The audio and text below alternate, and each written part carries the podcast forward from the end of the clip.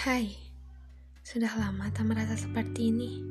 Ya, perasaan merasa bahagia dan khawatir bersamaan. Bertemu denganmu hanya di virtual. Entah mengapa bisa membuatku merasa sebahagia ini.